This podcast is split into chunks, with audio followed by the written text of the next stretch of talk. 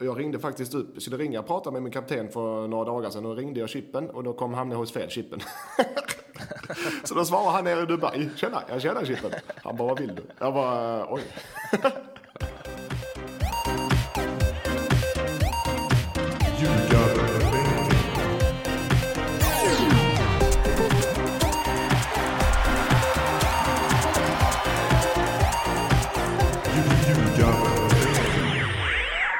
Ljugarbänken numero 53, NordicBets podcast om allsvenskan i fotboll. Ni har väl hängt med antar jag. Har ni inte det så heter jag Mårten Bergman och tidigare har vi varit en duo med Mattias Lindström. Men sedan tre ja, två avsnitt tillbaka så är vi en trio och de sitter nu bredvid varandra. Mattias Lindström, Erik Edman. Hej på er!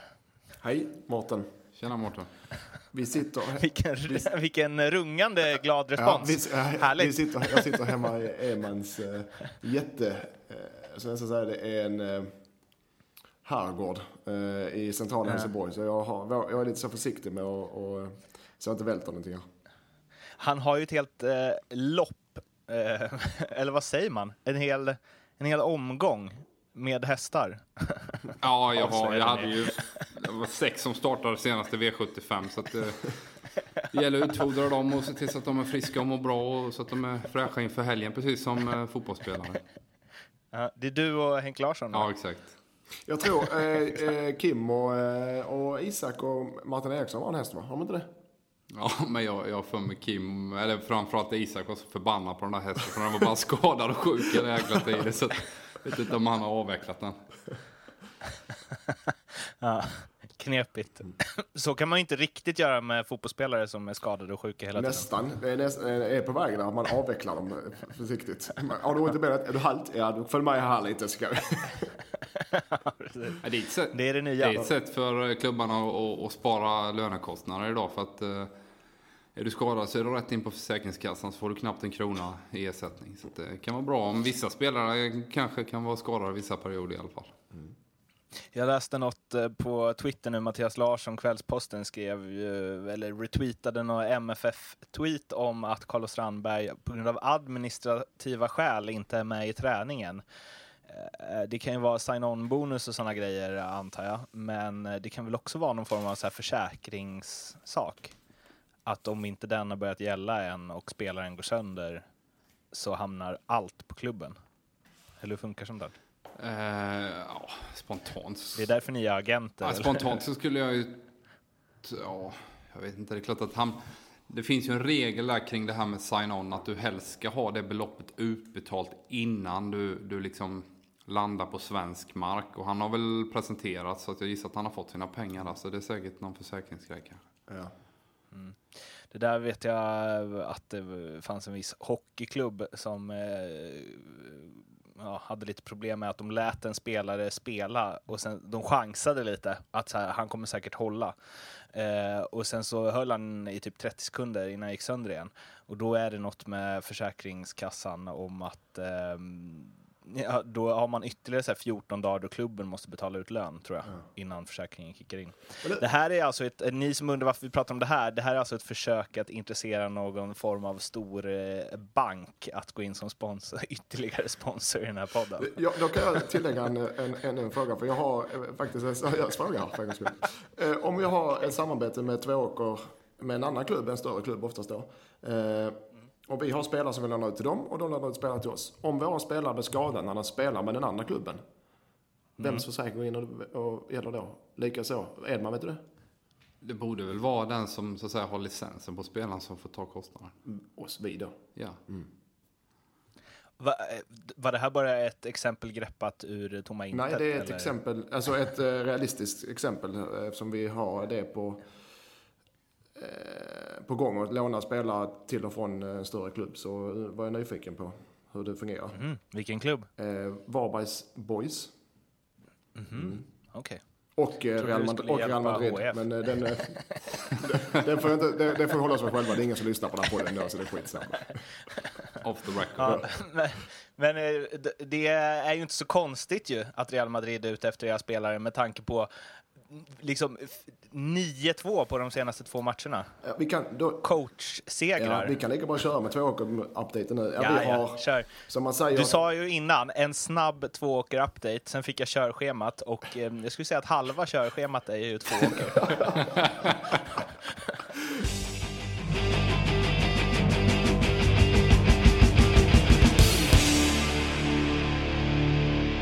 Ja, men då kör vi då eftersom man många säger att men det är för ketchup-effekten eller men utlösningen eller vad fan man säger. Men vi har, vi har haft en bra, två bra matcher. Först 4-0 borta mot Lindome. Det är ett Lindome som spelade, hade mer boll än oss men är väldigt känsliga för eh, omställningar. Eh, och sen en vinst mot eh, mina rivaler i Helsingborg Hittarp med 5-2 i Tvååker i lördags. En härlig vinst. En frejdig match. Så den här gamle, nu har han varit tränare nästan ett halvår och nu, nu ska det spelas fotboll här helt plötsligt. Nej, det var, en, eh, det var kul att se att, eh, det vann, eh, att det man tränar på ger resultat också. Och nu har vi, nu har vi det väldigt intressant. Först har vi DM-semifinal idag mot Halmstads B-lag. Vinna eller försvinna. Och sen så har vi derby på ett lördag. Nu ska du höra den här Mårten, här kommer du gilla. Derby på, på lördag mot Varbergs GIF i Varberg. Bortaplan då. Med tusen personer väntas det. Och de har hyrt in Glenn Hysén som speaker. Nu lämnas det ingenting av slumpen där. Kan det vara en då- då spelfirma som är med och hjälper till lite där eh, hos Varberg också kanske? Eller? En vad? En spelfirma som är med och hjälper till? Ja, det där. kanske det är. Så det är Nordicbet mot Unibet på lördag. ja, verkligen. Och jag undrar, undrar vad, vad det kostar att hyra in Glenn Hysén som speaker. Ja, det undrar jag också. Jag tänker att det är liksom några bärs. Ja, nej. Det hoppas jag verkligen inte. Tror du att det är dyrare än så? Jag tar väl ungefär så jag tar det minst en låda. Alltså, Ett flak? ett flak minst. En låda säger man ibland. Men och sen, och, och så, jag är inte färdig. Jag är inte färdig på min tvååker-update. Vi har väl en timme kvar eller? Men vad du, sa du att ni slog Hittarp med 5-2 Ja. också? Och sa på onsdag så fick Zonade vi, ut. som bekant, fick vi ÖIS i kuppen. Det har vi på onsdag också. Ja, Och, och där, Och- Lindström mot ja, Lantz. Lindström, Lantz, Elmander. hur, hur är den relationen sen tidigare? Den är jättebra. Eh, Är bra fram till efter matchen. Antingen är han sur eller så är jag sur. Men är inte det en, en grinig jävel alltså? Land, jo, på plan är ju för helvete. Jag spelar emot honom när han spelar i Ålborg, när han spelar i Bröndby. Jäklar, bara. Det, det är Lantz en sån motståndare du vill in, som du hatar, men som du vill ha ditt eget lag. Eh, Men däremot gillar jag Lantz eh, som kamrat. Jag tycker om honom. Han är trevlig. På planen. Han känns, lite, han känns lite... Han känns som någon man skulle vilja ha med sig i krig. Ja, Känns som att han löser det. det gör han. Och liksom, han, eh, han gnäller inte. Nej, han, han, är inte, han, är inte, han har inga problem med att få händerna smutsiga i göra smutsjobbet. Nej. Men, men jag kan också tänka mig att han är inte den, få, alltså hamnar man på fel sida där, typ inte gör jobbet som han vill att man ska göra. Du menar Janne Karlsson där förra året? eh, Det var ju förmodligen årets, årets citat i media 2016. jag har, då, då kan vi lika på fortsätta. Se om vi kan eh, leta rätt på det. Du kan fortsätta. Ja. Jag har ju glömt och har blivit påmind av, av mina kära spelare att vi tar ju en spelare per gång, Mårten, eller hur? Och Edman nu för tiden. Och jag har, gått, jag har tagit många, vi har tagit många, men vi har missat vår lagkapten. Så då, Har vi verkligen det? Jag tyckte jag kände igen namnet. ja, men det tyckte jag också. Men om vi, har, om vi inte har missat honom så tar vi honom igen. Så är det... Ja. Han är, Något ska han väl ha för att han är kapten? Exakt. Emil Sander, även kallad Chippen. Varför vet jag fortfarande inte. Eh, jag ringde faktiskt upp, jag skulle ringa och prata med min kapten för några dagar sedan. Då ringde jag Chippen och då kom han hos fel Chippen. Så då svarar han nere i Dubai. Tjena, jag känner Chippen. Han bara, vad vill du? Jag bara, oj. Så fick det den också. I varje fall. Han är eh, två, Mr Tvååker, så kan man säga. Eh, som kapten och som klubbmänniska. Så eh, när man säger Emil Sander så vet alla vem det är och vad han står för. 31 år skulle jag säga han är. Eh, har mycket fotboll kvar i sig men har också en, som jag ser det, en roll, större roll i klubben i framtiden. Förhoppningsvis. Eh, han är eh, en stöttepelare, både för mig och för eh, klubben. Sander känns också internationellt. Är Ja. det en av dem som Real Med Z. Säger sig själv kanske. är sugen Ja, ja, det hoppas jag. Eh, nej, så det, Allsvensk material antar jag? absolut. Alla mina spelare. Eh, och jag fortsätter med tvååker-updaten, eller? Ja. Ja. Bör- Jag, vill, jag, vill ju veta, jag vill ju veta lite mer om ÖIS där. Mm. Vad, vad skulle du ge er för chanser? Det är ju så, ÖIS, det är två divisioner över oss. Det ska man inte glömma. Men jag har själv spelat sådana matcher eh, med HF där vi har mött division 2-lag och förlorat, ska sägas. Var du med mot Enskede eller? Eh, nej, det var jag inte. Jag var med mot IFK Luleå, eller Lira Luleå, jag tror de hette borta. Var du med mot Enskede, Edelman? Nej, jag var väl inte i landet då tror jag. Nej, Ska inte det var själv. inte. Eh, nej, men eh, eh, så att jag vet att det är möjligt att vinna mot sådana lag. Så det, och det vet mina spelare också. Så så sätt så är förhoppningarna höga. Men om vi spelar, säg vi spelar tio matcher mot ÖIS så ska de i alla fall vinna sju av dem. Men Kan vi få en eh, liksom, haka utstucken här? jag säger såklart att Tvååkers IF tar sig vidare till gruppspelet i Svenska cupen. Så. Så tryck upp det på den största rubriken du kan hitta. Ja, Lands har ingen chans. kan du säga det? Är det Jag kan rubriken? inte säga det. Edman säger du det. Lans har ingen chans mot Tvååker. Ja, det rimmar nästan också. ja, bra, där har vi det. simor experten Dömer ut gamla lagkamrater. Eh, Men ehm, jag hittade citatet här. Det var alltså Janne Karlsson hade gått ut och kritiserat Marcus Lantz för, jag vet inte riktigt eh, vad det var, men det var väl att eh, han inte eh, fått ihop truppen och inte eh, nådde resultat och så vidare. Så svarar Lantz på den här kritiken på följande sätt då. då.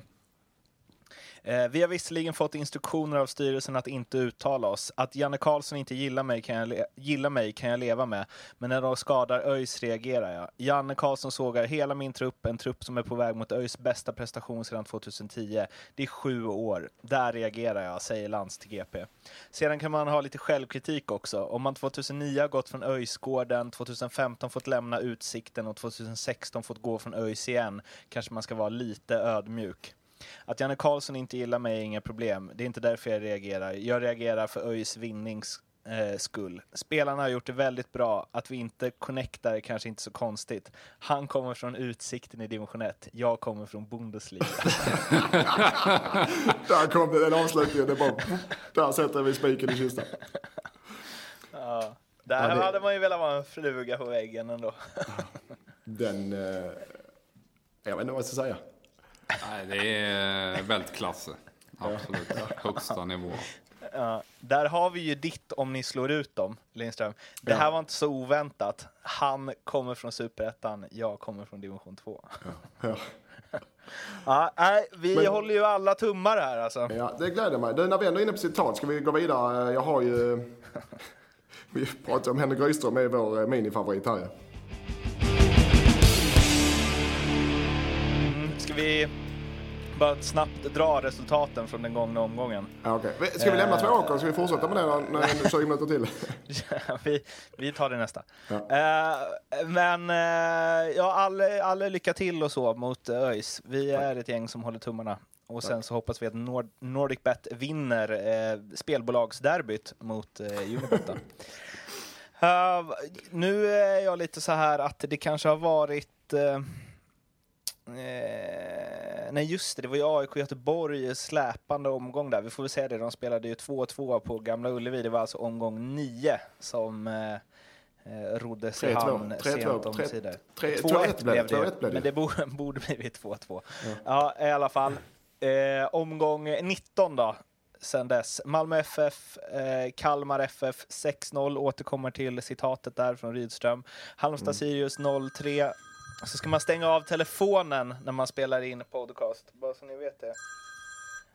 Uh, kids. Hammarby Östersund 2-2. AIK, Atletic Eskilstuna 1-1. IFK Norrköping, Djurgården 0-1. J Södra Örebro 1-2. BK Häcken, Sundsvall 2-0. Och slutligen Elvestico, Elfsborg, Göteborg 1-2. Henrik Rydström var inte helt nöjd med insatsen på Swedbank stadion i Malmö. Nej, eh, med all rätt. Det är tungt när man får en utvisning borta mot Malmö. Men, I eh, 28 siffror- minuten eller vad var det? ja, och siffrorna blir ju mindre smickrande. Jag, jag, jag läser ordagrant. Man, efter matchen, Henrik Rydström, assisterande Kalmar-tränare. Man vill slita av sig huden, sedan hänga upp det på något jävla kors och försvinna. Det tar några tim timmar, sedan måste man in i huden igen och möta morgondagen. Men det kliar igen om man känner sig smutsig och värdelös. Han har det inte lätt. Nej, fy fan. Om man känner så efter att ha förlorat en fotbollsmatch, då tar man det väldigt hårt. Men jag visste, jag köper den. Är det nu tabloidjournalisterna Lindström och Edman ska liksom hoppa på den som ligger här? Nej, nej, vi gillar ju Rydström. ja. Och jag, tycker, jag tar med Tala för dig själv då. Ja. nej, jag... jag tar med det för jag tycker det är ett, jag tycker det är ett kul citat. Han, för, han sätter ja. ord på hur han känner sig. Men det är ju lite kämpigt där alltså. Eller vad, vad skulle de... Malmö är ju bra och en man mindre nej, alltså, i 60 minuter. Alltså. Ja, nej, nej, det, det, det, är en match man nog inte ska gå in för jävla Om jag var Kalmar hade jag nog inte lagt för mycket krut på det med tanke på den situationen de är i. Henke är ju verbalt väldigt skicklig. Jag tycker det är kanske rätt smart att komma med något roligt uttalande där och få fokus på det och sen återigen då kanske skydda gruppen lite och sen, sen som Lindström är inne på det, älta inte så mycket utan man åker på en käftsmäll och, och, så är det ibland. Och någonstans så, så har de en ganska bra trend innan, innan dess med, med tre raka segrar. Så det, det är bara att, att försöka gå vidare här. Hur mycket sätter sig en eh, ja, tennissiffror-förlust, även om det gått bra innan? Är det, är det svårare att skaka av sig 0-6 än eh, liksom, eller så här, om man jämför det med att torska i sista minuten eller så här, AIK som får ett korrekt mål bortdömt i sista sekund och så. Vad är kämpigast liksom? Jag skulle säga att det är lättare att gå vidare för någonstans så, så möter man ett lag som är mycket bättre och man får, man får saker som händer och mm, ja, någonstans så, så möter man som sa Malmö är bättre och jag tror att det är lättare att gå vidare och släppa det än att det är sådana som ett felaktigt domslut eller hade det varit att man hade släppt in massa mål flera matcher i rad som var en situation kanske i våras där man hade det tufft va? Så, så tror jag att det ändå är ganska enkelt för dem att släppa det och, och fokusera på nästa. Hur, eh, det kan vi ju fråga dig då, då. Eh, den här Tottenham-Wigan-matchen. Eh, hur mår man efter den liksom? Ja, det var ju ingen rolig historia. Jag har precis kommit tillbaka från eh, två månaders skadeuppehåll med. Så rätt in där. Eh, och, och, fullständigt kölhalad. Eh, jag blev uppsnurrad eh, i 90 minuter. I alla fall sista 60 ska jag säga. Stod faktiskt bara 1-0 i paus. Sista, sista 60 också. det, stod bara, ja, det stod faktiskt bara 1-0 i paus. Och vi kände att ah, vi är lite på gång här nu i andra halvan. Nej, det var vi inte. Eh, och sen var det ju ja, fullständig ridå där. Jag skulle väl fejkat skadan nu med facit i hand, men jag, eh, jag hann inte ens med det. Inte. Kan vi inte ta upp den varje gång i podden, Mårten? Den matchen. Nej, men alltså, för det finns ju någonting i det där att, eh, ja men, att inte hänga med på en, alltså hos någon som är vanligtvis alltid hängt med. Eh, alltså, du är inte, så här, inte van att bli förnedrad, hur man då hanterar det liksom. För fejka skada, alltså, jag fattar att du säger det lite skämtsamt, eller? Nej, nej, nej, men det hade jag aldrig, ja, det är ju att fly från sig själv, så det, det hade jag aldrig gjort. Men jag tänker att den här veckan som kom därefter var ju ingen rolig. Det, det ska ju gudarna veta. Eh, dagen efter så är Östersund över Daniel Kindberg eh, faktiskt och hälsar på. För han är polare med, med Martinez och Graham Jones, den assisterande. Så jag hade ett kort snack med honom. Men ja, det hade ju varit rätt kul att, att snacka längre. Men jag, man var inte riktigt mentalt mottaglig där att eh, uh, umgås med folk. Så det, det var en uh, jäkligt tuff vecka, det ska jag säga. Men det var mer på individuell basis. Om man tittar Malmö, Malmös utskåpning av Kalmar så tror jag mer att ja, det är en lagkollaps också. Så där jag kände väl att där dog min eh, Premier League-karriär om jag ska vara ärlig. Den är jobbigast egentligen när man känner att oavsett hur mycket jag tränar, oavsett vad jag gör, så kommer det inte bli så här bra.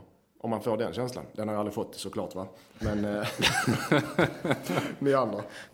Nej men för att, um, vem fan var jag snackade med det om? Typ Tim Björkström tror jag. Att han i BP hade mött någon riktig så här eh, trixare på kanten. Nu kommer jag inte ihåg vem det var, men där han förlorade liksom 10 av 10 dueller, eller snarare 25 av 25 kanske.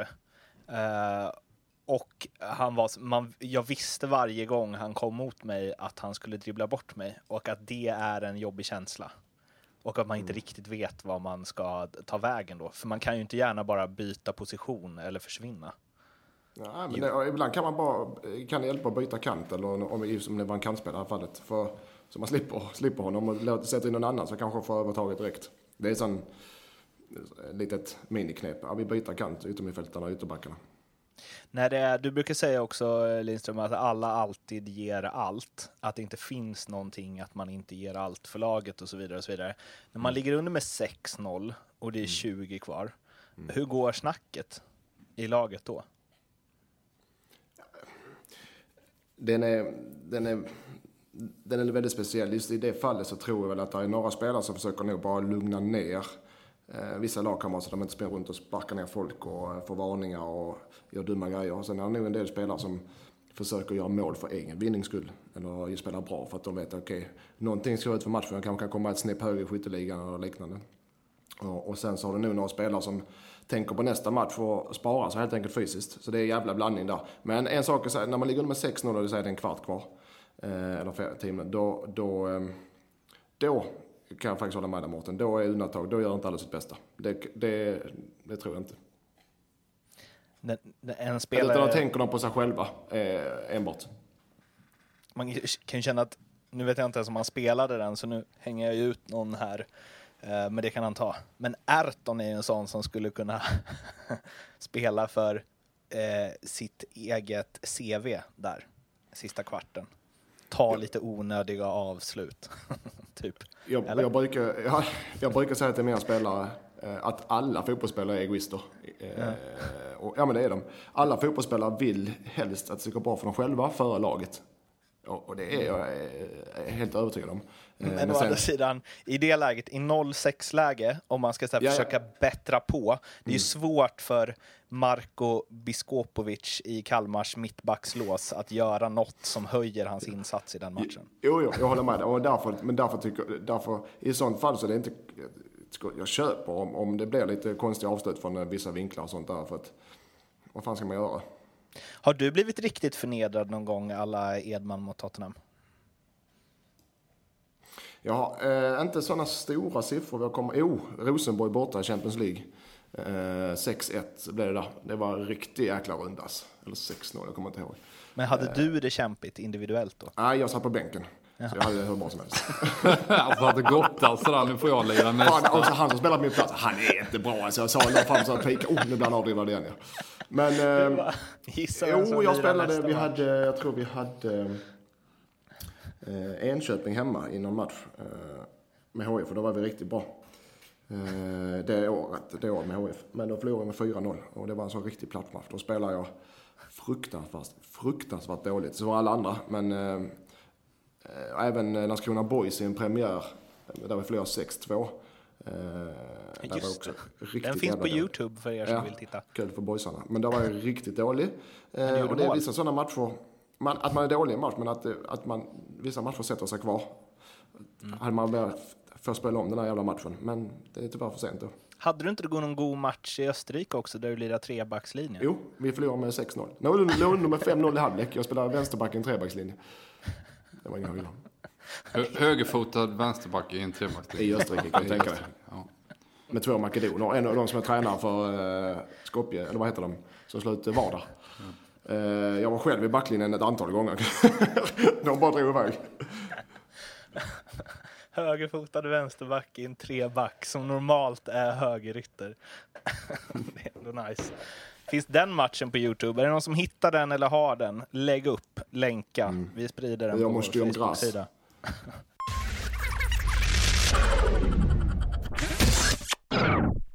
um, vad ska vi, Göteborg kanske? Fick ett eh, sms av vår goda klippare Martin Gustafsson som ju är Göteborgssupporter och har gästat den här podden förut. Igår kväll efter att de hade slagit Elfsborg med 2-1, det vill säga seger direkt efter den tunga skalpen mot AIK, också där 2-1 Fick jag ett sms. Nu börjar man ju drömma om Europa. Hybrisen kommen. Eh, börjar du drömma om en eh, bil, Mattias? Nej, jag tror inte det eh, tyvärr. Eh, Göteborg tar eh, nödvändiga poäng nu och gör det såklart bra. Men eh, det känns som att varje match är på målsnöret. Alltså, jag tror inte de är inte övertygar inte i sitt spel eller i sina poäng. Men så länge de tar poäng så är de såklart nöjda. Men jag ser inte någon... Jag ser inte att de kan blanda sig i Europaplatserna, det gör jag inte. Inte, inte, inte en chans. Nu var ju det en släpmatch, den mot AIK, men vi måste, jag var på plats och såg den. Mm. Eh, och vi, eh, alltså vi, vilken otroligt dålig fotbollsmatch. Framförallt första halvlek. Det är alltså det här med att man brukar säga att det känns som två olika sporter ibland när man blippar mellan allsvenskan och eh, Premier League. Det här mm. stämde ju verkligen. Alltså, så dåliga. Så många dåliga passningar som satt två meter från spelarna och i knähöjd och liksom enkla grejer från båda lagen. Där väl Göteborg egentligen var sämst i första halvlek, men AIK tog igen det med råge i andra.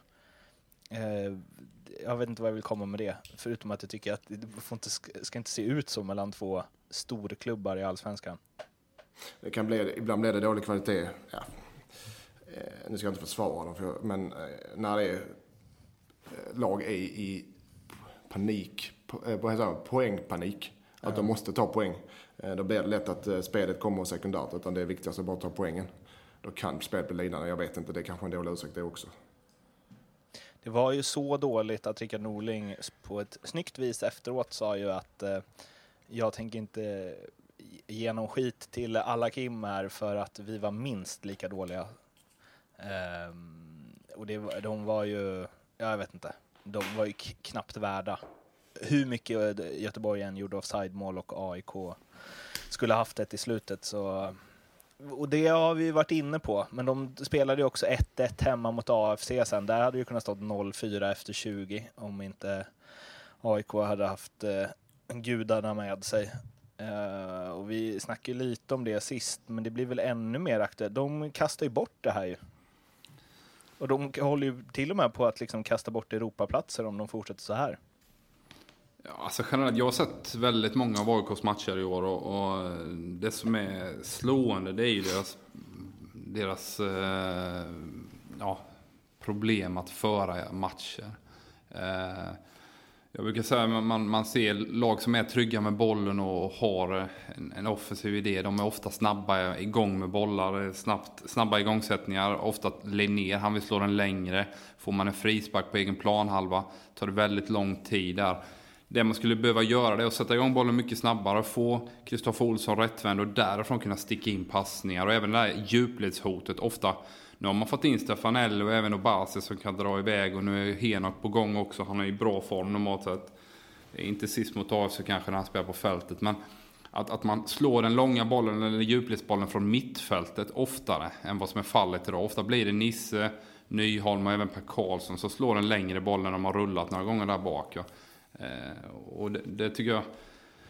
Eh, alltså det gör att man aldrig kommer i, i det här eh, kontrollmode, liksom att man styr matcherna eh, som man måste göra som topplag. Så det är ju en utmaning för AIK att, att fixa till till 2018. Jag tycker att de har ett, ett jäkligt spännande lag här nu och kunna utmana Malmö. Men, men eh, i det offensiva spelet och framförallt när man möter de här skitlagen så att säga på hemmaplan så, så måste man styra mer än vad man gör. Mm, jag twittrade ju inför den matchen att jag tycker att har man tre spelare som Obasi, Stefanelli och Goitom så borde man alltid starta med dem. Eh, det här skulle vi ju prata om i podden tyckte du Lindström. Ja, det tycker jag. Jag, jag, köper, eller, nej, jag, jag förstår resonemanget för det är tre fina, offensiva, härliga spelare.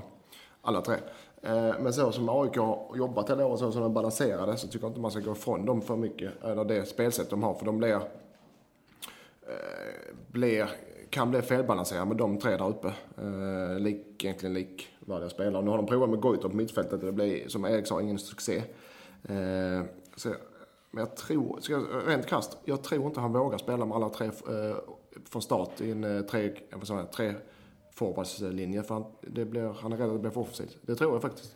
Finns det inte någonting i att vara en duktig tränare, att man ska kunna anpassa efter materialet man har, om nu inte sportchefen värvar efter spelsystemet man har, vilket man väl kan så här, vända ut och in på där då, ifall de har tre så pass bra forwards som jag ändå tycker tillhör AIKs elva bästa spelare. Eh, eller borde göra efter lite anpassning. Eh, alltså, finns inte det någonting där att är man en duktig tränare så ska man kunna använda det materialet man har och också ändra lite emellan medan AIK har ju verkligen, Rickard Norling har ju verkligen gått all in på 3-5-2 eh, med sina wingbacks och så vidare till varje pris.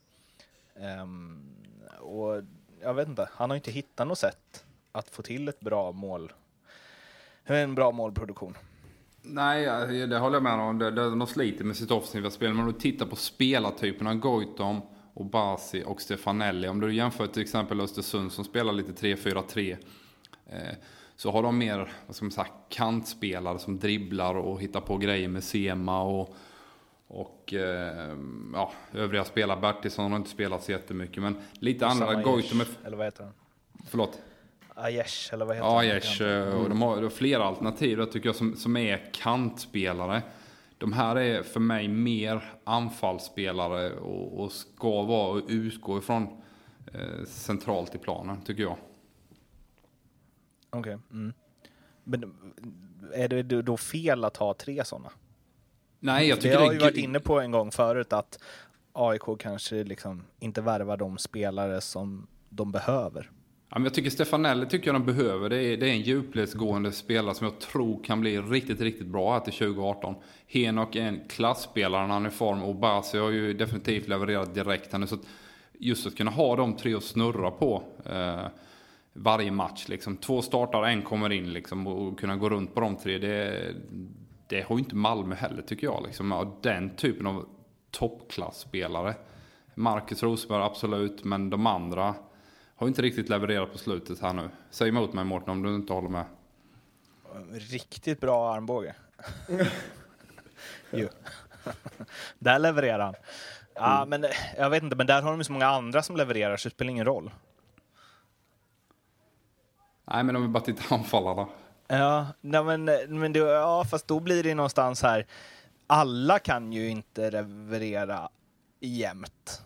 Uh, alltså så här, om anfallarna gör, eller om mittfältarna gör mål, då om, om Malmö inte ska vinna varje match med 6-0 så måste ju de målen liksom försvinna någon annanstans ifrån. Medan i AIK så är det ju bara ingen som gör mål. Den skapar ju knappt någonting. Jag, jag, tycker ändå det finns någonting som kommer bli ganska bra till 2018 där. Jag tycker Stefanelli, även om jag vet att han, han, han har inte riktigt fått till. Han hade ett friläge nu sist eh, mot Tagagi, eller vad han heter i buren där i mm. AFC, som, som han missade. Hade han gjort mål där hade man vunnit. Då hade man fått tyst på diskussionen lite grann där. Men, men jag, jag, tycker han är, jag tycker ändå han är spännande. Jag tycker de, de har någonting där på gång faktiskt. Även om det inte alltid kommer fram i match. Eh, ja, framförallt inte just nu då. Jag läste något Jonas Hansson, Fotbollskanalen, eh, twittrade ut att eh, på sina 40, Norling har tränat AIK i 41 matcher nu i allsvenskan eh, sedan han kom tillbaka och har exakt lika många poäng som Andreas Alm hade under sina 41 sista matcher i AIK, det vill säga 80. Mm. Eh, och det var ju många som trodde att Norling skulle bli någon form av frälsare Mm. Men det är inte... Eh, mot att nu, alltså om de missar Europa och AIK sparkade Alm visst bara för att det var någon som inte ville ha kvar honom och de gav det här guld eller sparken som Ja, jag vet inte vad det var för jävla dravel egentligen, men det var ju så de uttalade sig utåt i alla fall. Och eh, ja, AIK kommer ju definitivt inte ta guld, men de kan ju också missa Europaspel. Det är ju inte alls orimligt. Nej, Mårten, du får, min, du får min andra bil då. Jag, jag, jag garanterar att AIK kommer komma på Europaplats. Nej, jag håller, det, det säger jag inte emot heller. Den är solklar. De, kommer på, de är så pass stabila som lag eh, att de, eh, det är ingen snack om saker. De tar Europaplatsen. Det tror jag. Tänk. det kan bli... Eh, hur är det nu? Fyran får, hur är det nu? Fyran går till Europaspel om... Eh, Någon av de tre andra vinner kuppen. Exakt. Mm. Det kan alltså bli det är inte Alltså helt... lever denna 2018 också, det här vadet. ja, just det. Då kanske du hinner köpa en ny bil till dess. Två, eh, jag får ge bort två av hans fem bilar, det blir tufft. Men det, livet. Du kanske Men- vill ha en av travhästarna Jag tänkte just säga det. Jag vill hellre ha en häst, tror jag. Men, eh, ja, men det kan ju bli en topp tre, men Malmö, Malmö kommer ju komma topp tre. Det kan vi ju slå fast. Är det någon? Ni får. Allt jag äger om de inte kommer topp tre. Eh, och sen, det kan ju bli så här Sirius och Häcken som tvåa, trea. Som det ser ut nu. Det kan det. Alltså, allt, ja, det är såklart det kan bli det. Eh, Jag ser ju är ett lag som imponerar något fruktansvärt på mig. Det måste. Framförallt borta mot Halmstad, där många kör över dem. Men eh, jag tror, som sagt, AIK med deras trupp, nu när det, när det drar ihop sig, man behöver breda trupper och AIK eh, ska inte dubblera eh, med Europaspel så tror jag, det ska i och för sig inte Sirius och Djurgården heller, men jag tror, och inte Häcken och inte Norrköping, men jag tror att AIK är, har den starkaste truppen och mest, med mest rutin. Eh, det har Djurgården också, men jag tror de är stabilaste lag att ta den. Vet du vad jag tror, eh, Lindström, eftersom vi, vi måste ändå upprepa det här med vadslagningen. Jag tror att Ranjegi stångar in 10 under hösten och att Yashin bara fortsätter att snitta ett mål per match. Och sen så är det jag som har en middag på eh, Grand när Häcken kommer trea. Ja, jag, jag, jag, Yasin kan jag köpa, men eh, han äger gör nog inte många mål i Allsvenskan. år. Oj, Nej, är det en sågning på Eller? gång? Är det bara jag som är på dem? Eh, Ja, vadå? Han Ja, kan väl jag stå där och knoppa in en och annan. tror inte det. Stare Jag gillar ju det. honom. Vad sa du? Stare Ja, gillar ju honom. det, ja, det förstår jag. Man tar honom, men jag tror inte det blir någon frälsare eh, på det sättet Häcken spelar heller. Vad fan. Nej, det tror jag han får det tufft då. Okej. Ja, stark motivering till det. Mm. Vi har tagit in Edman som expert. eh, expert vad tror nu. du, Edman? Ranjegi, får han det tufft? Ja, men det känns som att... Eh, är han i fysiskt bra form nu? Jag vet inte det. Han har väl inte spelat jättemycket fotboll den sista tiden. Så är han i bra fysisk form så tror jag han kan, kan bidra. Och Häcken eh, kommer säkert ha en bra höst här nu. Så han kan säkert göra no några mål med 10 Mårten. Alltså 10 mål alltså på, på, på sista elva. Det, ja, det, det är att sticka ut hakan, det kan jag lugnt säga. Nej, jag, han såg taggad ut på pressbilden. Men det, det, det, alltså, på riktigt, nu vill jag att Häcken ska komma topp tre så att det blir Lindström som får betala, inte jag. Men alltså, de, har, ju- de har ju släppt in lika få mål som AIK, gjort ett mer. Och som du säger, Edman, det känns som att det är, kan vara ett höstlag. Alltså. Verkligen. Jag håller ju Häcken och AIK högre på Europaplatserna än jag gör Djurgården och Sirius. Återigen starkt motiverat. Ja, okej. Nej men alltså, det, när det är bara jag som sitter och tippar. Jag, Just på grund av att de, just med det du sa, att släpper in få mål, gör inte så många, men släpper in få mål och är jävligt stabila. Eh, I längden, och på 30 matcher så brukar det, av erfarenhet, brukar det löna sig. Det blir Stare, Lindström, Bergman på Grand. Får Edman följa med? Nej, det får han inte. Ja, jo då. Han kan komma där med sina två bilar.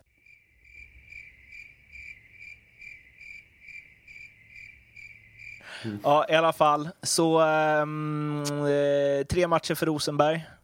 Bra eller anus har du skrivit här i körschemat. Eh, nej, den är ganska solklar. Det hade varit konstigt om man hade fått mindre faktiskt. Och det, och det är inte, har inte varit några vilda protester så de köper nog det. Edman håller med? Mm. Ja, nej, det är såklart. eh, ja, jag tycker tre känns väl fair liksom. Köra. Okej.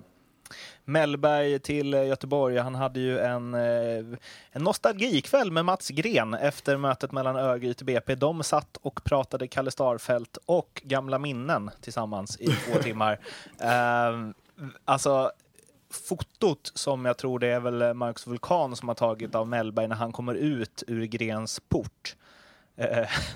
Alltså, Paparazzi, det är paparazzi på Ja, det var någon som skrev något om det, att så här, vad man ser på Mellberg, hur han måste hålla igen där.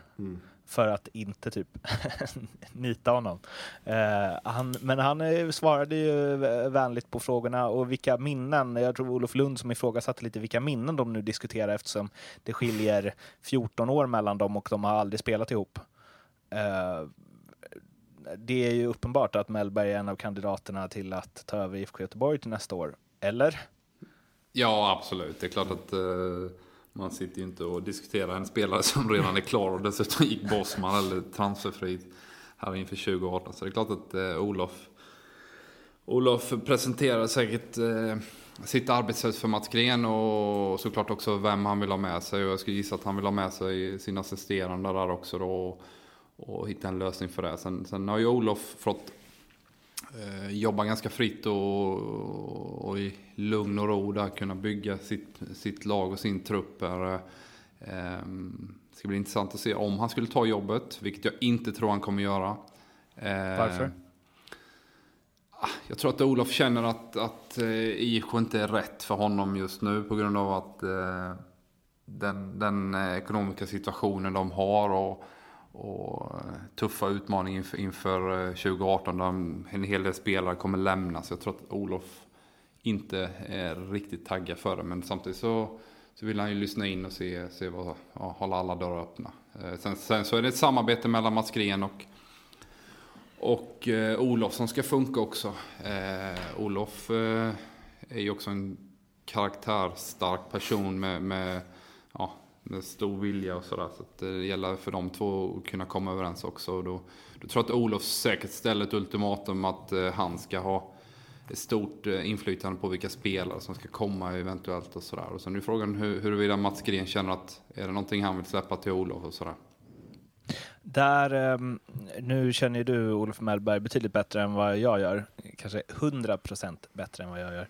Men det är ju, alltså, det är ju ingen god och glad som kommer att eh, dra massa Göteborgsvitsar under träningen som kommer till Blåvitt om Olof Mellberg kommer dit. Det är lite annan attityd än vad de har haft eh, innan, väl? Ja, jo absolut. Det är klart det är, ingen, det är inte Glenn Hysén att plocka in som tränare. Men, men Olof är jäkligt skarp och rapp och, och kan, kan vara väldigt rolig också, ska jag säga. Det, eh, så att, så att, eh, jag tror inte, det är ingen sur, surmupp om du tänker liksom, som han är som spelare. Du, du har den här bilden där han blir helt tokig ja. eh, framför dig här. Va? Men, men eh, det tror jag inte, det, det, stämmer inte. Olof är jäkligt skarp och, och rolig och sådär. Sen så tror kanske inte man är inhyrd som någon form av Ronald McDonald och ska dra vitsar heller liksom. Så att, det, det, känns som han är en jäkla spännande tränare och, och, och tillsammans då med den assisterande så, så eh, tror jag att det, det hade säkert kunnat bli bra på sikt. Men, men under rätt förutsättningar. Och frågan är om Olof tycker att förutsättningarna är eh, optimala eh, att träna i Göteborg just nu. Tror du han hade levererat i Göteborg nästa säsong? Vad är att leverera? Ja, undrar också, vad är målsättningen för ett sådant lag som Göteborg nästa år? Ja, men de vill väl, väl säkert vara i alla fall och nosa på Europaplatserna. Inte en chans. In, in, inte en chans. Alltså, dels så, så, känner jag det här lånespåret här. Nu har de plockat in två spelare som har varit väldigt bra. Sen de kom in då, mittfältaren här och, och kan inte namnen, ursäkta. Men som var duktiga, men just det här lånespåret är helt, alltså generellt sett väldigt negativt till. Plus att de har massa spelare som kommer försvinna. Eh, Hussein är jätteduktig i år igen, men han är också ett år äldre och, och Rogne drar och... Eh, ja, det, det, är många, många frågetecken där som de behöver räta ut och en ekonomi som är katastrofal också. Så det, det känns tveksamt eh, över halvan ens alltså. Det var någon på Twitter återigen som dunkade ut när Mellberg-ryktet eh, kom att eh, inte en chans. Mats Gren kommer låna in en tränare från MLS. på halvårskontrakt. Men eh, okej, okay, så det är redan nu dömer vi alltså ut eh, IFK Göteborgs 2018? Redan nu så dömde Eman ut, jag hörde det själv. Vi har det på ja. band. Undre halvan 2018. Ja. Oavsett om Mellberg tränar eller inte. Okay. Eller så, det vet, jag, vet ju, jag vet ju såklart inte vad Nisse Weberg är sugen på att pynta in där eh, i sponsorbidrag till, till 2018. Det är ju det är sådana saker. Det finns ju en stor supporterkrets kring Göteborg och folk som har pengar så är de sugna och trycka in eh, väldigt mycket eh, deg där. Så klart att det finns eh, utrymme. Men som det är idag, nej. Olof Mellberg tränar alltså inte IFK Göteborg nästa år. Det är ljugarbänkens tips. Uh, det har varit silly season. Ska städa av det lite snabbt innan det blir ett bettingsnack med Leopold Neurath på NordicBet. Man vill ta sitt eh, Hans medlemsbrev också. Den tycker jag är viktig. Mm, just det. Ja, men det tar vi efter. Det blir en, mm. lite, det blir en seriös eh, avslutning. Mm. Eh, Topp tre värvningar under sommaren då alltså. Mm. Ska vi ta tre var? Ja, det blev nästan två och en halv för mig, men eh, jag kan börja då. Mm. Ranjegi? Eh, nej, nej, men jag har, jag har lite eh, utan rangordning, men... Eh, nej, jag har nej, nej. Okej, okay. ett, eh, nummer ett då. Nej, Viland. tre börjar du med. Tre.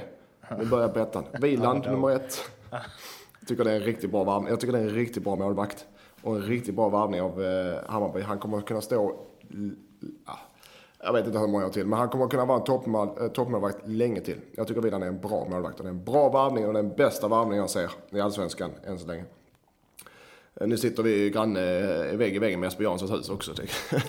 Men en bra varvning. Jättebra. Kingsley Sarfort i Malmö har, alltså, det är en varvning som jag gillar på längre sikt. Det är ingen, ingen som bär guld eh, nu direkt, men det kommer att göra. Eh, jag är övertygad om att det är en bra investering om man snackar, om, när vi ändå snackar travhästar liksom. Och fotbollsspelare som, som travhästar. Så det är en bra investering för framtiden. Det kommer att bli en publikspelare, det kommer att bli en poängspelare. Så det är en bra investering. Han är inte mer än 21 gram va? Eller? Jag tror det. Och sen så har en, en halv, vi hade Maj Holmén. Men jag har bara halvvägs med honom för att eh, han har mer att bevisa. Jag tycker i grund och botten är en bra varvning, men han har mer att bevisa. Det är min. Mm. Mm. Erik? Yes, då kör vi nummer ett. Eller skulle vi börja tre, tre Ja, vi börjar nerifrån. Nerifrån. Ahmed Yashin, nu säger jag emot mig själv lite här kring det här med lånespelare. Men han har varit grymt bra i början här och, och passar bra in i ett Häcken. Eh, tyckte han var bra i Örebro också. Eh, och då var han yngre, sen har han haft lite tyngre sessioner både i Danmark och, och i AIK. Där, även var han väl i arabvärlden någonstans. Men jag tycker det är jättebra spelare. Passar bra in i Häcken. Så nummer tre där. Eh, Skodra Holly får chansen på, på andra plats. Där tycker jag också det är Sirius skickliga på att ersätta sina spel, ny, med nya spelare. Har scoutat bra till en billig peng gissar jag också i och med att han var iskall i Häcken där. Och, och Kim Bergstrand och Lagerlöf såg honom i, i um, Åtvidaberg där han gjorde mycket mål. Och det finns, finns väldigt mycket intressant i, i den typen av spelarkvalitet som han har. Eh, och etta också en Sirius-spelare, Elias Andersson, som man hittar i Varberg.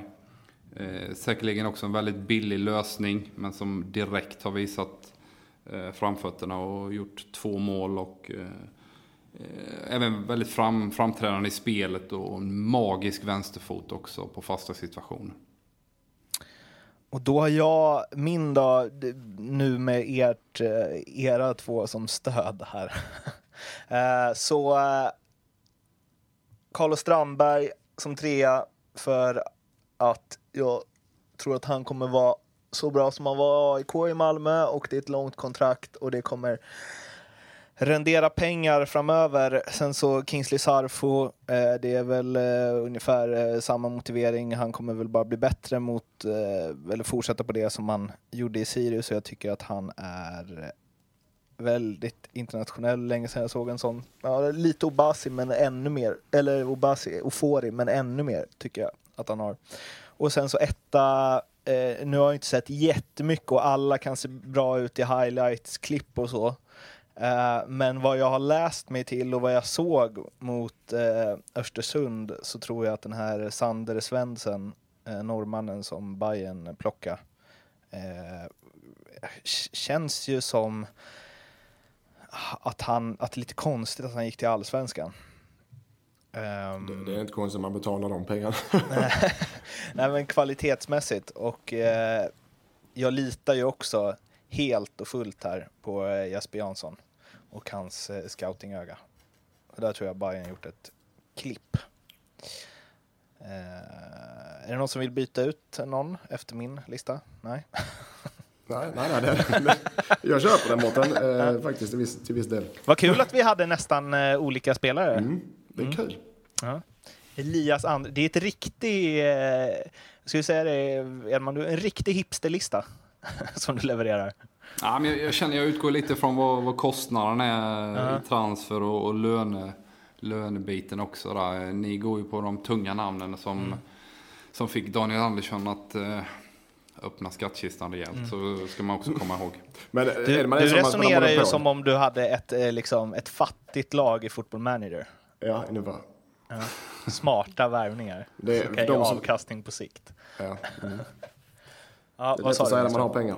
Men, eh, ja, ska vi ta, eh, vad vill du ta nu Mårten? Leopold. Ringer du honom? Mm, jag ringer honom.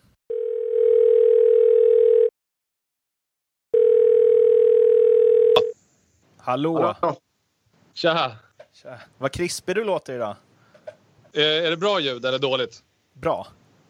Ja, skönt att höra. Jag är fortfarande hyfsat ny. Sitter flankerad av Micke Stoppolos som, som ska hjälpa mig idag. Ja, tjena gubbar! Tjena, tjena grabbar! Eh, jaha, nu, nu är jag seriös.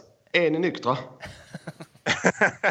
Ingen kommentar. Mårten vet inte att, ni, Nej, Mårten vet inte att det är, det är dagsfest. Någon, äh, vet du, det är något helgon som fyller år här nere, så vi är lediga idag.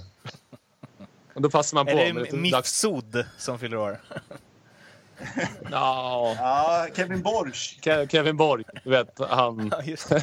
Ja, Idol-Kevin. Ja, okay. Vi ska på dagsfest med honom, så det är, då hela Malta tar ledigt. Ja, fett.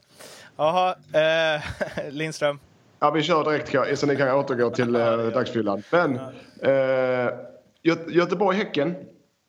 Eh, jag tror det blir kryss i den matchen, den ligger i luften. Plus att det blir mål på straff. Micke Stoppolos får ta den här. Ja, jag, jag, jag höftar fram 15 gånger pengarna här. Vad säger du, Diego? Ja, det har ni druckit, men jag gillar det. Bra. Bra. Han, är, han, är så, han är så fräck, Lindström. Han tar oss alltid när vi är på flaskan. Det, det är bara att ringa vilken jävla tid på dygnet som helst. Men jag köper den. 15 gånger pengarna. Göteborg-Häcken, oavgjort och mål på straff. Ja, bra. Ja, bra. bra. Nu kommer, eh, jag tror Örebro, Hammarby, över 2,5 mål. Det är såklart. Men att, och att inge, eh, någon icke-svensk spelare blir varnad typ 16 av eh, de här 22 spelarna är väl utländska. Ja. Uh, ja, uh, jag känner för uh, 3,50 här. Jag kommer in med veto. Du får två gånger pengarna. Mm. Men, men, då, då landar vi ju på 2,75 va? Ja, men över, över 1,5 mål, över 2,5 mål är 1,75 och liknande. Och sen uh, att en spel icke ska... Att, ja. Två, vad sa du, vad sa du Leo? Ja, 2,50 kom vi fram till. 2,50. Jag, tar, jag tar det. Jag orkar inte diskutera mer. Alltså. Jag tar det. ja, eh, har du en till eller? Ja, en till sista. Den bästa spelet. Största spelet ska jag säga. Eh, AFC Malmö FF. Kryss i halv, halvtid. Etta vid fulltid. Det vill säga kryss i halvtid. Eh, AFC vinner matchen efter fulltid. Och under 3,5 mål. Ja, det här får Stoppolos då. Ja, det här spelet gillar jag och eh, jag tror att det kommer bli superrisk på det här. Uh, till 25 gånger pengarna. 22 gånger pengarna ger bara kryss etta. Och under 3,5 mål där också får jag alltså 25. Kan vi inte krydda den, eftersom det är ett sånt jävla uh, Mission Impossible-spel, kan vi inte krydda den upp till 30? Deal. Ja, okej. Okay. Micke har tagit över här. Uh, ja, deal på 30 då. Va? Ja, 30 gånger pengarna. 30 gånger pengarna. AFC, eh, MFF, kryss etta och under 3,5 mål. 30 gånger pengarna. Lasta allt ni har pojkar. Flickor. Ja. Men det, det, det, är bara för att jag tycker synd om dig eh, Diego efter eh, senaste fiaskot i, eh, i, i tävlingen här. Diego 1-2. Twitter-tävlingen. Ja. ja. Där har du inte rosa marknaden. Nej, det har jag inte. Eh, jag var nog inte nykter när jag satt den heller då. ja, det är vice versa. Ja. Hälsa Mifsud och Kevin Boy då? Ja, vi ska hälsa och så tar vi någon bira för dem. Ja, yes. Vi hörs. Ha det fint boys. Tja, tja, tja. Hej, hej. Eh, ja. ja, ligan. det kan man säga. det kan man säga. Nu, eh, det känns ju extremt märkligt att hoppa till det här medlemsbrevet här, men det är precis vad vi ska göra. Eh, Peter Hunt eller Peter Hunt eller Peter Hunt eller hur man nu vill uttala det. Norrköpings starke man. Eh, författade ett öppet brev till eh, ja, alla som ville läsa det på Norrköpings eh, hemsida. Eh, Erik, Eh, kör. Ja, nej men han, eh, han förklarar ju sin egen och övriga styrelsens eh, förhållningssätt till eh, de pengarna som har kommit in och vad man ska göra i framtiden. Eh, och hur man, hur man vill satsa vidare. Eh, och eh, jag lyfter på hatten. Jag tycker det är fantastiskt med en föreningsledare som, som väljer att ta den långsiktiga lösningen här. Jag vet ju också att det finns ju jättemycket fans i Norrköping som känner att vi tar guldet 2015 och vill, vill fortsätta eh, satsningen och utmana kanske då även Malmö men framförallt då kanske mm, AIK och Djurgården och Häcken och de här som har, har pengar att vara med där uppe år efter år. Eh, men vi har ju ett, eh, ett exempel här nere där det inte riktigt funkar och det är en ganska liknande stad också i storleksmässigt och säkert också då näringslivs eh, eh, krafter som finns i, i både Norrköping och Helsingborg. Liksom. Så jag, jag tycker det är grymt häftigt gjort där han går ut och, och talar om vad de står för och hur de tänker. Mm. Också så här att han gör det så väldigt pedagogiskt skrivet. Och så här helt öppet förklarar saker. Ja, men det är ju det, det, man, man eftersträvar också utifrån en tydlighet och, och förhålla sig till. Eh, ofta så, så, så, så, får man ju känslan att eh, styrelseledamoter vill liksom ofta promota sig själv kanske och, och, nu jäklar nu ska vi satsa på guld och nu är jag med i den här styrelsen, nu, nu ska det hända grejer liksom. Här, mm. här tar han ju ansvar för, för IFK Norrköping eh, på, på väldigt lång sikt här och man behåller Eh, en organisation, alla, alla anställda kan man ha flera år framåt, fortsätta satsa. Det finns tankar på att bygga en inomhushall och, och sådana grejer som förstärker kanske eh, möjligheten att ta fram nya spelare och sådär. Va? Än att man är kortsiktig och, och vill ha framgång direkt. Va? Eh, tillägg? Mm, jag gillar ju hela det börjar bli tröttsamt med den här kulturen som, inte bara här eller där, men nu pratar vi allsvenskan, att det ska gå undan och det är nystart efter nystart efter nystart efter nystart. Varenda år, så fort det går dåligt för en av storlagen och topplagen, då ska det vara nystart. Ny tränare, nya spelare, ny styrelse. Allt ska vara nytt och det, jag, börjar, jag börjar bli trött på det. För det fungerar inte så. Du kan få en quick fix ett år hit och dit, men sen så börjar du om, för du börjar om med samma jävla hjulspår igen. Det tar aldrig slut, det är en oändlig cirkel.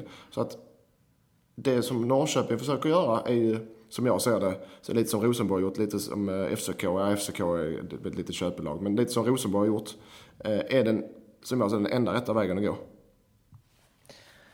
En, ni var ju inne lite på, vill ni säga något mer? Annars så hoppar jag en division ner. Det är lugnt. Det är lugnt. Uh, tänkte att ni skulle få ge uh, en syl i vädret kring er förra klubb, Alltså Helsingborgs IF gör ju vad de kan för att eh, inte gå upp i allsvenskan ser det ut som. 3-2 torsk mot Norrby borta. 0-0 hemma mot Åtvid. Och igår 4-0 i arslet mot Frej. Eh, vad är det som, eh, som dessutom ligger näst sist kan vi ju påpeka. Och Norrby och Åtvidaberg ligger också precis kring kvalstrecket eller på kvalplats. Vad, är det, vad händer? Det är såklart att eh, det är inga bra, framförallt 0-4 eh, eller 4-0 sticker ju mycket i ögonen på folk eh, med all rätt. Eh, men de har... För det första, truppen är inte redo för allsvenskan. Det, det, jag tycker inte HIF ska, som jag sa nu, det ska inte bli någon panik och stress i HIF, utan fortsätt med det de håller på med nu. Så, så kommer det resultat, men det, truppen, jag tycker personligen truppen är inte redo för allsvenskan. Sen så är jag övertygad om att HIF kommer att slåss om kvalplatsen. Oavsett om de förlorar mot Frej med 4-0. För att du har BP och Dalkurd som är för bra. De kommer gå upp direkt. Och sen har du HIF, Falkenberg, Trelleborg, Öster. Alltså lag där ingen av de här lagen sticker ut på något sätt. Utan det, det kommer att bli tajt hela vägen. Sen kan jag tycka att om HIF får kvala och på något sätt ta sig upp i Allsvenskan. Så jag tycker faktiskt inte de är redo för det. Inte med den truppen och den ekonomin. Eh, för jag vet hur det fungerar här. Går HIF upp i Allsvenskan och helt plötsligt ska det satsas friskt igen och då, då kommer man in i samma hjulspår igen. Alltså, jag tycker, så får jag inte säga egentligen, men det är ingen panik om inte HIF går upp i år. Det är inte det. Låt låt Kristoffer och P.O. få bygga. Eh, låt dem få ta upp sina Timossi och Max och de här egna spelarna. Låt dem få utvecklas i lugn och ro. När det är läge så kryddar man med lite, med lite hemvändare som gör nu också och lite chansspelare om man säger så. Jag, jag, jag, ser inte något annat sätt alltså. Så det är såklart att det är inte bra när man förlorar med 4-0 mot Frej borta, men få inte panik för fan. Byt inte ut hela styrelsen, byt inte ut laget, byt inte ut tränarna bara så fort det, det inte går som man tänker sig. Det fungerar inte så. Är det inte lite panik om de inte går upp direkt? Blir det inte kämpigt då? Jo, men det är det ju. Det, det, man har gjort en satsning när man verkligen vill upp direkt. För att det finns ju väldigt mycket att förhålla sig till här. Om man tittar på den truppen som Mattias är inne på så går man, går man inte upp så kommer många lämna och då får man också börja om och på något sätt bygga upp något eget nytt. Va? Eh, men, men ändå i lite mindre ja, hektisk miljö än om man är i Allsvenskan. Går man upp så måste du också byta ut stora delar av truppen. Så oavsett vilken väg eh, man kommer gå här nu så att säga under, ja, fram till 2018 så måste man ömsa skinn rejält här eh, vad det gäller truppen. Och, alltså utifrån ser man liksom den satsning som är gjord så har man ju verkligen spänt bågen för att eh, studsa upp direkt här. Så det är klart att det är ett, ett, eh, ett misslyckande om man inte går upp, absolut. Eh, men, men jag tycker precis som Linus var inne på kring det här med, med eh, när, man, när huvuden ska rulla hela tiden. Det, vi har varit med om tre, fyra eh, nystarter i den här klubben. Förra året så körde man en slogan där man vi är på väg och man landar i allsvenskan. Liksom. Så det, det, blir, det blir liksom tjatigt eh, kring det här att man ska byta ut folk hela tiden. Så jag tycker också att kontinuitet vet ju alla är, är liksom en nyckelfaktor för framgång över tid. Så att här gäller det att hålla fast vid saker och ting nu och köra på med det man har. Um, för det är ju, en tabell ljuger aldrig och så vidare, men sett till spelarmaterialet så är ju en fjärde plats om det nu eh, landar på det, eller framförallt så här, att de ligger så jävla långt efter direktplatserna är ju ett, eh, är ju ett ej godkänt. Väl? Nej men det är klart att man, man, man siktar på att gå upp. Jag tror att eh, summerar det sen när man säger att okej okay, de är i Allsvenskan, då får man ju säga att eh, det är mission accomplished liksom. Men, men eh, tittar du nu så är det framförallt det offensiva spelet där man sliter och kunna föra matcher. Och precis som AIK på ett sätt att man har problem att föra matcher mot lite sämre lag på pappret. Eh, visserligen åkte man på stordäng mot, mot BP och mot eh, Dalkurd där, men det var faktiskt, tycker jag prestationsmässigt, eh, fanns saker där som var ganska bra. Mot Dalkurd åkte man på en utvisning till exempel, så rann iväg på slutet där när man var tvungen att chansspela lite grann. Eh, men framförallt man har, man har lite de här lagen som man, man, man behöver städa av så att säga, då, har man, då sliter man väldigt mycket med sitt egna spel. Mm. Hur eh, mycket kollar ni på Helsingborg? Jag tror Erik, jag har inte sett dem tillräckligt jag, eftersom vi oftast har match själv eh, eller träning med mitt kära Tvååker. Men, men Radiosporten. Erik, vad sa du? Radiosporten. Ja, men Erik jag har faktiskt sett dem mer än vad jag. Så att, de matcher jag har sett har inte gått något vidare. Tyvärr. Nej. Um, grejer de det då? Jag tror de grejer kvalplats till slut här. Det finns en hel del erfarenhet både på tränarsidan och, och, och spelarna där det finns mycket, mycket liksom kompetens även i sådana här lite tuffare situationer nu när det blir drevet går här lokalt också där det liksom det är, allting är dåligt och där så tror jag ändå finns, finns eh, en, en kyla här i, i, i klubben och i laget att, att hålla sig kall. Det är någonstans eh, Eh, mer än en tredjedel kvar att spela om och jag tror att man redar ut en kvalplats, det gör man. Eh, för eget intresse och det är ni är säkert flera som har koll på honom och har läst om honom kanske som lyssnar på den här podden men eh, Alexander Timossi, han har väl tagit bort Andersson nu åtminstone Eh, i eh, trupppapperna. Eh, men 16 bast, född 01, Tokdominerade eh, P17 i elitklassen i Gotia förra året. Har varit och tränat med Manchester United, har varit och tränat med Bayern München. Det har stått lite om Bayern München och anses väl vara en av de större forwardstalangerna svensk fotboll har fått fram senaste åren i ett, i ett sånt läge, alltså man vill kanske inte hindra en eh, kille från att gå till Bayern München om det nu skulle vara aktuellt, men hur... Eh, dels här, hur borde HF resonera där och vad har man för möjlighet att behålla en sån som man ändå på något sätt kanske kan bygga någon form av hype och publik och så vidare och så vidare på om hans utveckling eh, fortsätter. Och en bra försäljning framför allt om ett par år. Ja, de, de har ju bud på honom som står härliga till, men de, de är kalla. Eh, eller kalla, de, de ser, precis som du säger Mårten, att de ser ju eh, längre fram att det här är en eh, påläggskalv. Han ska vi tjäna miljoner på. Och, ska, och han ska hjälpa laget och han ska dra publik och sponsorer för, som eh, den nya lokala stjärnan. Och det är helt jävla rätt är det. Eh, och jag har förstått eh, på de jag har pratat med i HF att han har en sund eh, sund syn själv och en sund familj som eh, håller honom på jorden.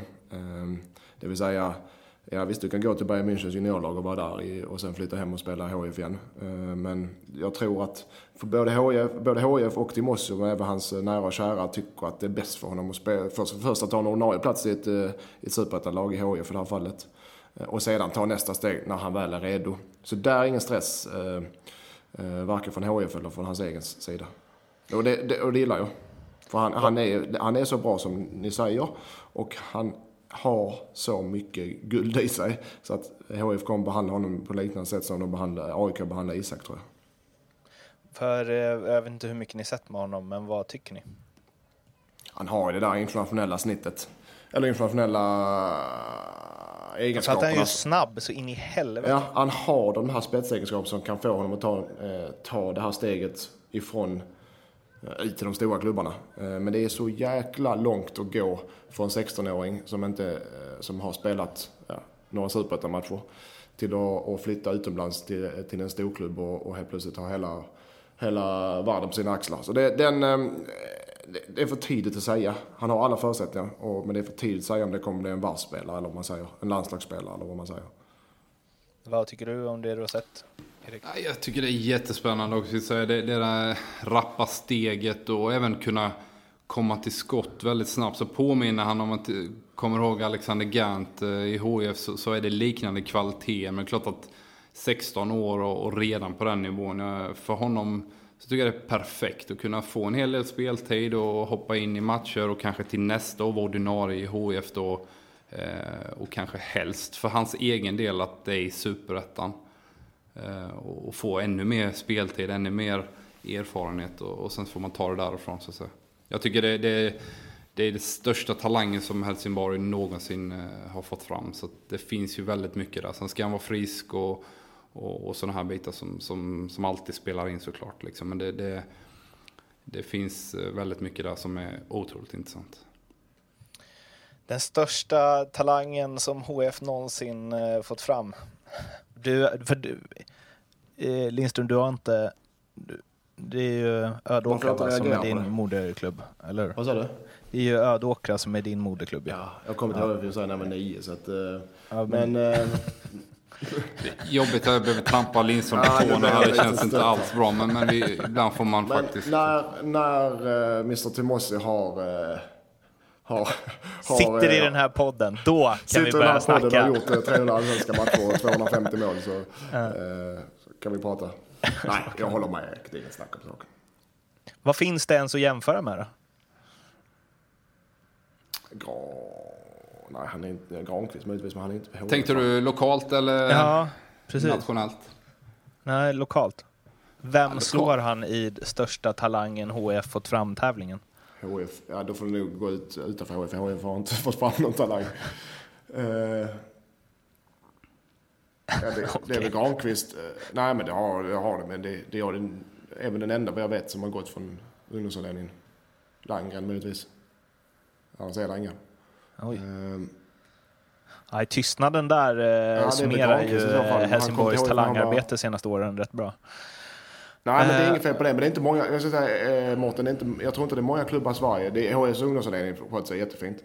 Men det är inte många klubbar i Sverige som, där man går från 7-8-åring till eh, seniorspelare. Utan man brukar haka på 15-16 år. Där brukar de hittas, plockas upp från närliggande klubbar.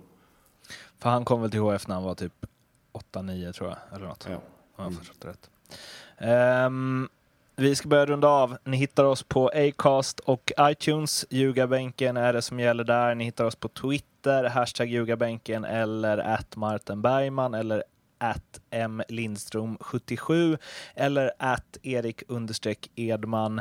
Ni hittar oss på Facebook, där är också Ljugarbänken, facebook.com slash Ljugarbanken podcast. Och... Mycket. Eh, va? Ja, det är mycket nu. Det är mycket nu. Eh, det här skulle vi spela in på något häftigt eh, sätt. Det lös, så att jag slipper säga det varje gång. Eh, och ja, ni vet, likea, sprid, ge oss fem stjärnor. Allt sånt här som gör att vi blir lite extra glada. Och sen så spelen som, ja det var ju jag vet inte hur många gånger pengarna det blev till slut, men det var 25 hit och 30 dit och hej och hå. De hittar ni på NordicBet förstås och då är det under Love the Bet.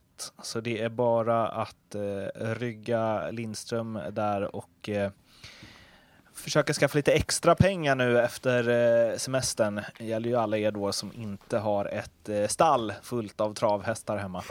Eh, Mattias, tack för att du ville vara med. Tack själv. Erik, tack för att du ville vara med. Tack och hej. tack och hej. Och tack för att jag ville vara med. Och sen så hörs vi igen om eh, en vecka, sisådär. Ha det bra tills dess. Tja! Hej. hej. hej.